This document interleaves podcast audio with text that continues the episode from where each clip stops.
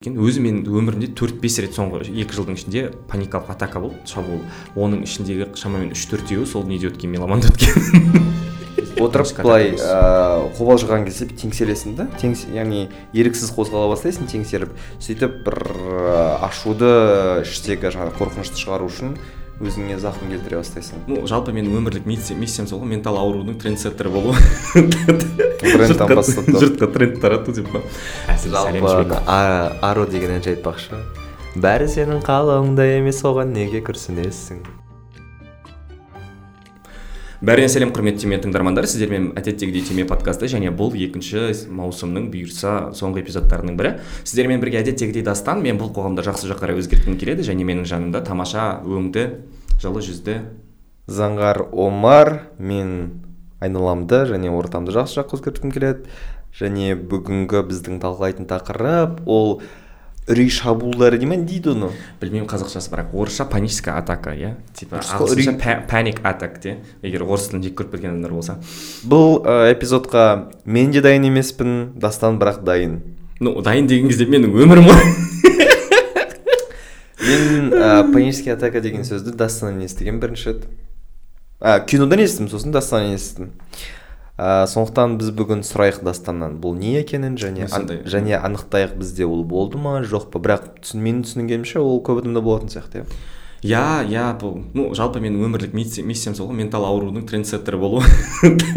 Жұртқа тренд тарату деп па.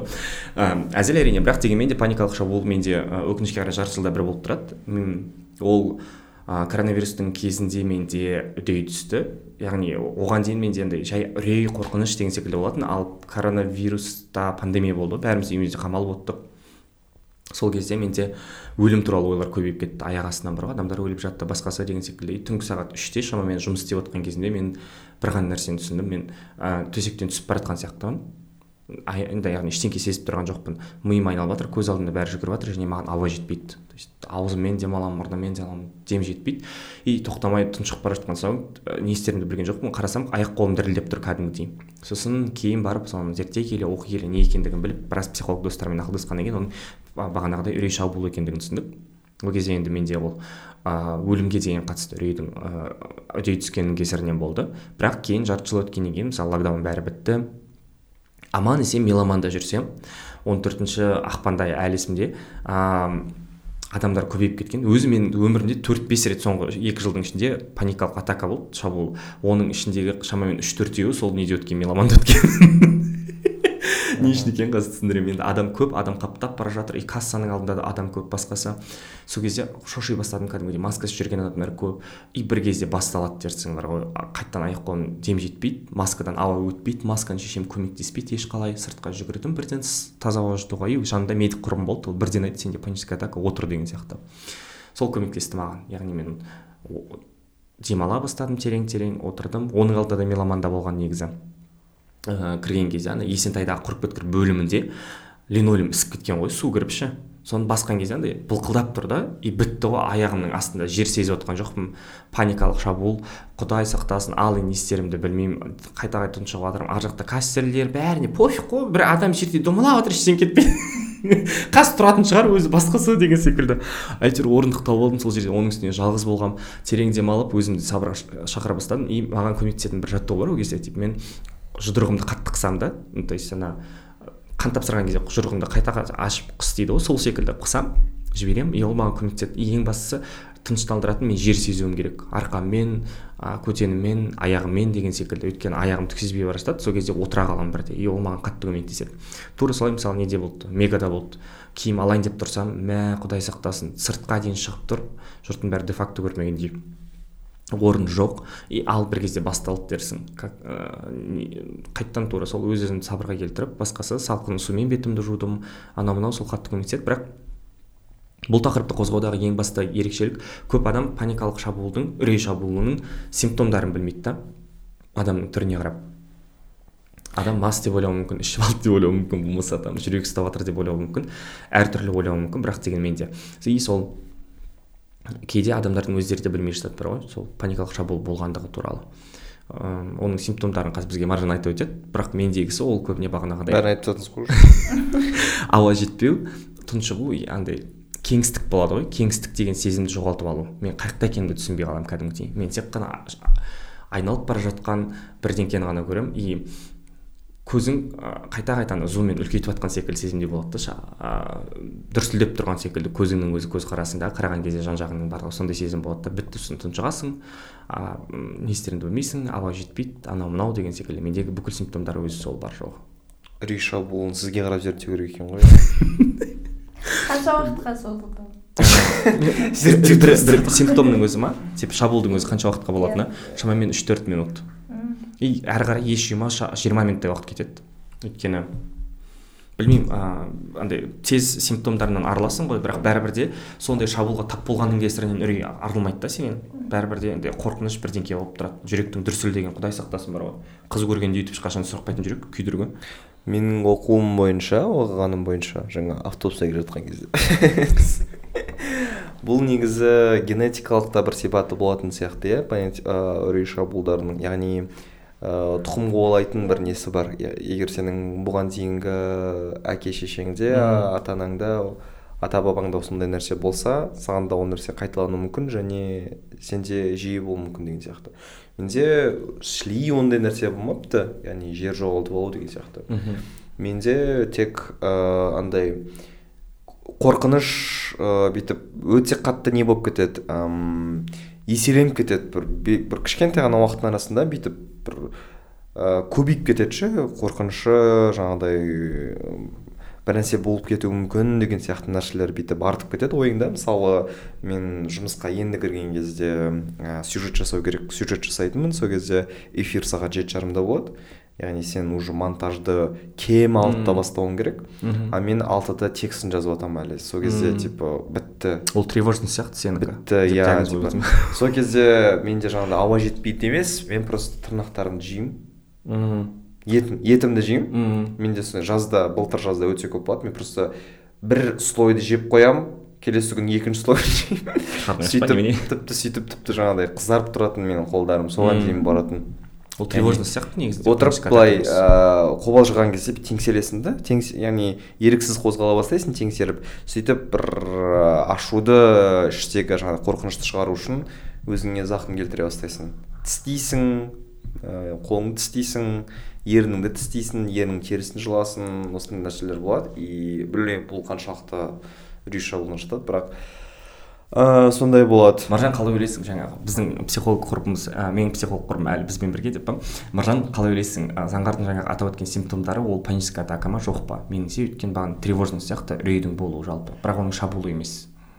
Иә тревожностьтың көріністері сияқты. Себебі адам жаңағы бір маңызды іс шаралардың алдында мысалы сахнаға шығатын кезде біреумен кездесер алдында деген сияқты қандай да бір сондай қорқыныш сезімдері болса ол одан кейін өздігінен кететін болса бұл тревожность. А егер де жаңағы дастанда болғандай белгілер болса мысалы ә, суық тер жаңағы ә, үрей қатты қатты қорқыныш а, бастың айналуы ауруы ауа жетпесе немесе көз қарауытса жаңағы ә, демалу қиындаса осы ә, жаңағы үрей панический атака болуы мүмкін. Мхм окей. Бірақ киноларда мысалы күшті көрсетеді сен тед лассоны көргенсің ба? Қандай? Тед лассоны. Бірінші сезон ғана. Соның бірінші маусымның соңында қарай тед лассо неден шығады? Ғой клубтан шығады ғой білесің ба? Әлде екінші маусымнан шығғанда ма? Спойлер болса кешірім сұраймын бірақ сол кезде мысалы тед лассода паникалық шабуылдар болып тұрады. И ол жерде жақсы көрсетеді да оның мысалы типа өз өзіне ие бола алмайтындығын есеп бере алмайтындығын андай не үрлейтін ба? Жоқ ол дұрыс емес вот осы жыныма тиеді бір көп америка фильмдерде ана пачкада как будто бір сол пакетпен демалу көмектесетін сияқты деп ше. Ну білмеймін ол да бағанағы романтизация сияқты адамдардың бір қайғыру амалы секілді жоқ жаңағы пакетпен демалу ма? Жоқ типа солай көрсетеді типа господи мне не хватает воздуха дайте мне пакет бір бәле деп тұрады ғой валерьянка жоқ негізгі неліктен сондай пакетпен демалады себебі жаңағы адамның организмінде сол уақытта осы панический атака болып жатқан кезде оттегі өте көп болып кетеді екен. Соның әсерінен жаңағы сүт қышуы жаңағы көбейеді содан кейін жаңағы бұлшықеттер ауыра бастайды. Сондықтан ә, жаңағы көмір қышқылы мен оттегін реттеу үшін ә, пакетке демалып жаңағы көмір қышқыл газының ә, балансын ретке келтіру үшін солай демалады негізі и плюс паникалық шабуыл кезінде қателеспесем адреналин көбейеді иә адамда. Сол сол негізінде менің достарымның арасында біразында болған. Там аэропортта болуы мүмкін ұшақта басқасында деген секілді. Ол кезде сіз қалай көмектесе аласыз деген секілді сұрақ туындаған. И менің ыыы бағанағы жол серік дейді ғой иә? Әуе жол серік құрбым. Ыыы оларды үйретеді екен. Оларға ең бірінші кезде кислородный маска кигізеді екен адамдар ше адам демалу үшін басқасы бұған не себеп болуы мүмкін? Оны білмеймін. Мен мен өзім білмеймін. Менікі бағанағы өлімнің қорқ үрей себебім өлімнен қорқыныш сияқты. И адам көбейген кезде мысалы коронаның кезінде пандемияның кезінде айтты ғой. Ыыы бәрі жабық болды адамдар күнде өліп бара жатты сол үшін мен, мен үшін қазір көп адам жүретін болатын болса жабық кеңістікте ол жайсыздық сезімін сыйлайды өліп қалатын сияқтымыз бәріміз бар ғой. Мен одан ол сезімнен арыла алмаймын. Ауру деп айтпаңдар тағы типа өйткені бір танысым болған сен типа аурусың емделуің керек деген сияқты. Жоқ мен оған есеп бере алмаймын әрдайым бола бермейді. И мен мысалы қыста бішкекте болдым ғой сол кезде сөз сөйлеген кезде как раз подкасттың атынан сөйлегенде а, сахнада шыққан сахнаға шыққан кезде жүз елу адам алдымда отырды или екі жүз. И ойлашы ғимарат жабық мен әріптестеріме айтып қойдым алдын ала менде қазір паническая атака болуы мүмкін аның кесірінен есікті ашып қой деген сияқты. Мен үшін есікті ашып қойды. Мен сол есікке қарап отырмын. Ол клаустрофобия емес жалпы.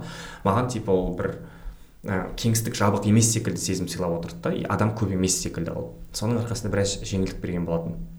Бірақ мынандай ә, адам өз өзімен қалған кезде осы үдей түсетін сияқты. Менде мысалы пандемияның кезінде басталған болатын болса қаңтар оқиғасының кезінде бәріміз үйімізде отырдық иә. Ол кезде де менде арта түскен сияқты. Шынымен өйткені ә, белгісіз желі жоқ таныс туғандарың қаяқта екені басқасы деген секілді. Құрметті тиме тыңдарманы егер сіз бізге өзіңіздің кішігірім қолдауыңызды білдіргіңіз келсе және де дастан мен заңғардың эмоционалды күйюге тап болмауына себепкер болғыңыз келсе бізді каспи арқылы қолдай аласыз. Каспи реквизиттерін инстаграмдағы хайлайт сториста көрсетіп қоямыз. Біз ол қолдауды балмұздаққа тамаққа немесе жақсы демалысқа жұмсаймыз.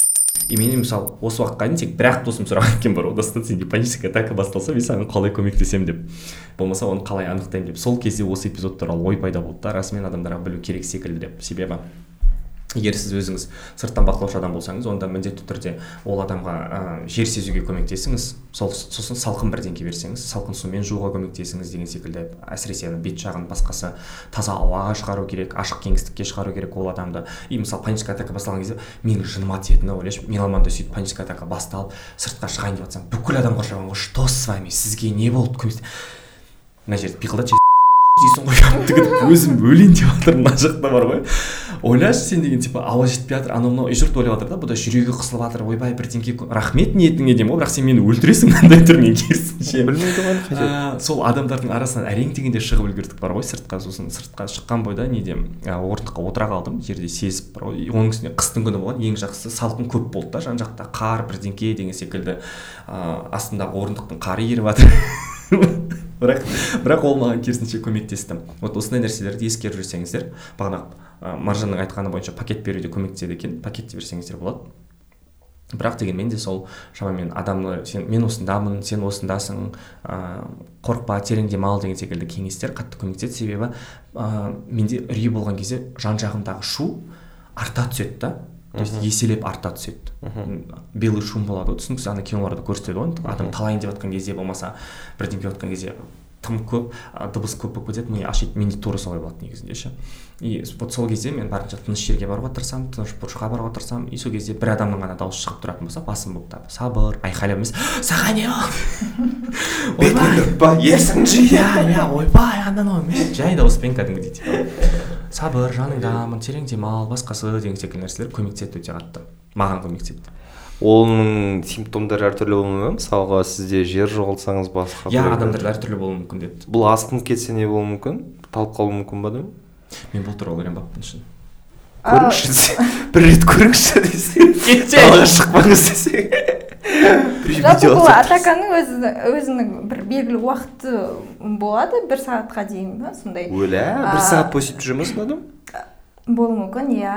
Егер де осы уақыт аралығында қоймайтын болса жаңағы мысалы жүрек тұсы қатты ауыратын болса ол жүрек талмасына шалдыққан да болуы мүмкін. Сондықтан міндетті түрде жедел жәрдем шақырып жаңағы адамға ә, көмектесу қажет. Ә, бірақ менде ондай болмапты. Демек ә, сізде ол нәрсе жаңағы тұқымыңызда болуы мүмкін және бұл сізге осындай жиі кездесуі мүмкін. Иә. Егер болмаса және қара егер сенің тұқымыңда болмай бірақ сенде панический атака болатын болса демек сенде уже бір бір өте маңыздырақ бір нәрсе бар сияқты яғни сенде жоқ жерден пайда болып тұр. Демек с тобой не, не все хорошо. Ол мысалы бағана үрей күйінде көп өмір сүретін адамдар. Мен мысалы өзім сондаймын ғой. Үрей көп болады менің. То есть мен тревожный Иә. адаммын дейді ғой. Вот мен көп уайымшылмын басқасы деген секілді. Ол уақыт өте келе пайда болуы мүмкін заңғар сенде де. Яғни андай көп нәрсеге қатты мән беріп көп нәрсе басыңызда жүре беретін болса айналып бұл бір күні яғни дедлайн жақындаған кезде қайт болуы мүмкін. Ыыы осындай үрей шабуылы. Демек ыыы дер кезінде болған үрейге жауап табу керек деп ойлаймын. Типа үрей туындаса ол үрейді жеңетін бір аргументтер ойлап кішкене анализ жасап оны бір өз орнына қоя білу. Мысалға андай кеше бір күшті нәрсе оқыдым андай даналық ол ыыы умение определять чем можно пренебрегать дейді. А дедім типа қатты назар аударуға тұрарлық нәрсе болмаса оны сол кезде анықтап алыңыз. Яғни бұл нәрсеге қатты назар аудару- аудармасаң да болады. Демек өйткені бұл осындай осындай бір аса қатты маңызды нәрсе емес деген сияқты бір анықтау болса кейінгі бұл бір кейін бір болуы мүмкін үрей шабуылының алдын алады. Жақсы ал мысалы үрей шабуылымен қалай күресу жолдарын білдік. Қалай диагноз табуға басқасы деген секілді ал оның үрейден айырмашылығы неде екенін білдік. Ну шамамен иә үрейде ол ұзақ мерзімді болады және де андай физиологиялық тұрғыда ешқандай симптомдары білінбейді қатты. Бірақ адамның қорқынышы үдей түседі. Енді сұрақ үрейі бар адамға қалай көмектесесің? Мысалы қаңтар оқиғасының кезінде бәрі бір үрей шабуылына тап болды деп айта алмайсың бірақ бәрі үрейленіп отырды. Вообще ә, үрей дегеніміз бұл ә, жаңағы қорқыныштан ә, страхтан айырмашылығы ә, үрей обязательно жаңағы болашаққа бағытталған болады және де необоснованный болуы мүмкін көп жағдайда. И жаңағы адам әрқашанда жаңағы тревожность пайда болған кезде үрей пайда болған кезде өзін осы сәтке қайтаруға тырысу керек. Яғни болашаққа қарай жаңағы ана болса не болады мынау болсам не болады? деген сияқты ойларға беріле бермей қазір мен осындамын қазір мен осы бөлмеде отырмын қазір мен осы істі істеп отырмын деген сияқты қазіргі сәтке оралуға тырысу керек. Иә келісемін менде осындай жаңағыдай үрей болған кезде өзім билік ете алатын өзім бір нәрсеге әсер ете алатын заттарға бүйтіп ден қоюға тырысамын. Мысалға окей алты болып кетті жақсы. Мен менде сюжет дайындап тастауға бір жарым сағат қалды. Окей енді ескерсек мен мысалға шамамен қанша минутта дайындай аламын? Оған дейін мен қанша күш жұмсауым керек? Нені өзгертуге болады? Нені алып тастауға болады? Қалай вообще бұл ситуациядан шығу керек деген сияқты нәрселерді. Ойланып ыыы саралау арқылы кішкене азаяды. Өзім де үрей үрейге толы адаммын ғой. Көп уайымдаған кезде артық кетіп бара жатқан да ол маған бағана зақымын тигізіп жатса тоқтамай жататын болса мен бір сұрақ қоямын өзіме. Бұл нәрсенің барлығы қаншалықты маған тәуелді деген секілді. Себебі мен өмірімде әр нәрсені бақылап үйреніп қалған адаммын. Сол себепті егер де менің құзыреттілігімнен тыс зат болатын болса онда мен өзімді тынышталдыратын зат айтамын. Ауызша айтамын. Сен мысалы дастан сен қазір а, мына бағдарламаға бересің барынша жақсы өтініш тастап көресің. Иә. сосын қолыңнан келгенше көресің өтсең өттің өтпесең болды. Қолыңнан келгеннің бәрін істедің деген сияқты. Болмаса кейбір адам аллаға аманат деген көмектеседі бірақ маған ол көмектеспейді деп. Бірақ сондай нәрсе бар, барынша менің қолымнан келетін нәрсе не? Және мен бұл нәрсені бақылай аламын ба жоқ па? Менің құзыреттілігімде бар ма жоқ па деген нәрсені айтамын санаммен қабылдаймын. Сосын ол ситуацияны жіберемін. Сосын жібергеннен кейін заңғар елпиға өтеді де мен өтпеймін деп. окей окей. Жалпы аро деген әнші айтпақшы. Бәрі сенің қалауыңда емес оған неге күрсінесің? Бірақ дегенмен де келешекте егер үрейлерің сөйтіп артып жататын болса онда міндетті түрде сол туралы ойланып көріңіздер. Мысалы қаңтар оқиғасының кезінде ол маған қатты көмектесті. Ну то есть иә алматының быт шығарып жатыр иә менің достарым қауіп төңірегінде болуы мүмкін. Мен не істей аламын? Бір олармен хабарласа аламын телефонды шаламын. Бәрін мен хабарласқан адамдардың бәрі аман есен болды. Енді құдайға шүкір басқасы мен басқа қалай көмектесе аламын өзіме? Ол адамдарға қалай көмектесе аламын ол үрейімнің ә, негізі бар болашақ белгісіз. Өйткені ол кезде білмеймін бәріміз үшін белгісіз. Бұл жұмыс бола ма келешекте жоқ па басқасы деген секілді. Кредит төлеп тастағаныма құдайға шүкір дегендей иә. То есть ол бағанағы болашақтың түсініксіз болғанның кесірінен ол келісемін ол затқа. Едәуір жалпы сабыр сақтау яғни мен ол кезде түсіндім бәрі бірінші болып жатқанын бірақ не істейсің енді? Не істейік енді? Қазір ешкім білмейді ол нәрсенің бәрі жауабын. Енді ол сабыр сақтау емес қой ол сол сен бағанағыдай қолыңнан ештеңе Иә. келмейді. Қолыңнан келетін нәрсеге- қалатын нәрсе емес. қолыңнан келетін нәрсе не ол тамақ істеп бірінші кішкене әңгіме айту не істейсің басқа енді. Ойбай кино қай жақтан тапсам болады? Шынымен ііі қатты сізге тәуелді нәрсе болмаса не істейсің ойлайсың ба енді? Біраз нәрсенің басын анықтаған сияқтымыз. Ара жігін ажыратып. Бірінші кезекте ол ендеше түймелей кетейік. Өтініш мүмкіндік болса иә рахмет деп. Бір а, сонымен паникалық шабуыл үрей шабуылы деген ол адамда бірінші кезекте физиологиялық тұрғыда белгі береді. Там ә, жүрек соғысының артуы деген секілді мұздай тер шығуы адамның кеңістік түсінігін жоғалтуы уақыт түсінігін жоғалтуы деген секілді одан қалатын болса тұншығуы және аяқ қол дірілдеуі деген секілді. Оның ә, қарапайым үрейден айырмашылығы үрей ұзақ мерзімді болады. Үрейді сен қалай жеңе аласың? Қарапайым үрейді ол жақта сенің қолыңнан қаншалықты не келіп келмейтіндігін анықтай аласың. Және маржан тағы бірдеңке айтты оны жаңғары қосады ал паникалық шабуыл деген кезде сен пакет қолдана аласың ә, жаныңдағы адамдармен болмаса өзің деген секілді бірден жиырмаға дейін санай аласың терең тыныстай аласың. Содан ә, ең бастысы жер сезіну иә опора дейді ғой бір демеу сезіну. Қабырғаға болсын өзіңіз жастансаңыз болады одан қалатын болса отырсаңыз болады басқасы бар. Осы мүмкіндіктер сіздерге көмектеседі келешекте. Бірақ болмай ақ қойсын құдай сақтасын дегенмен де ажырата алсаңыздар ол жақсы.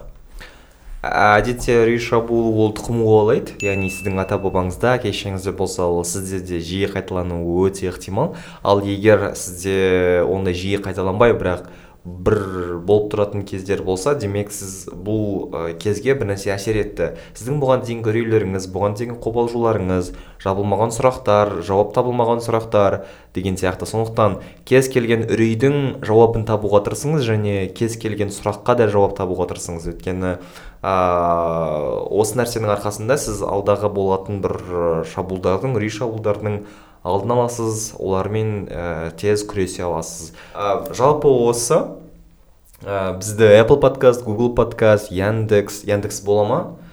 Иә болады. Яндекс болады. Жақсы кез келген подкаст пла- платформада тыңдай аласыздар. Бізге инстаграмда телеграмда пікір қалдырыңыздар лайк басыңыздар және шығып кеткен отписка жасаған достарыңызға айтыңыздар. Біз қайтадан оралдық және тағы да көп контент жасаймыз эпизодтар шығарамыз. Ыыы сонымен болды ма аяқтаймыз ба? Иә сіздер білмеймін бізге адалдықтарыңызды сақтап соңына дейін күткендеріңізге көп көп рахмет айтқымыз келеді. Құрметті тыңдармандар біз сіздерді бағалаймыз құрметтейміз және өмірлеріңізде ментал денсаулықтарыңыз мықты болуларыңызды тілейміз. Және бізге ақша салды. Осымен екінші маусым аяқталды. Сіздермен үшінші маусымда кездескенше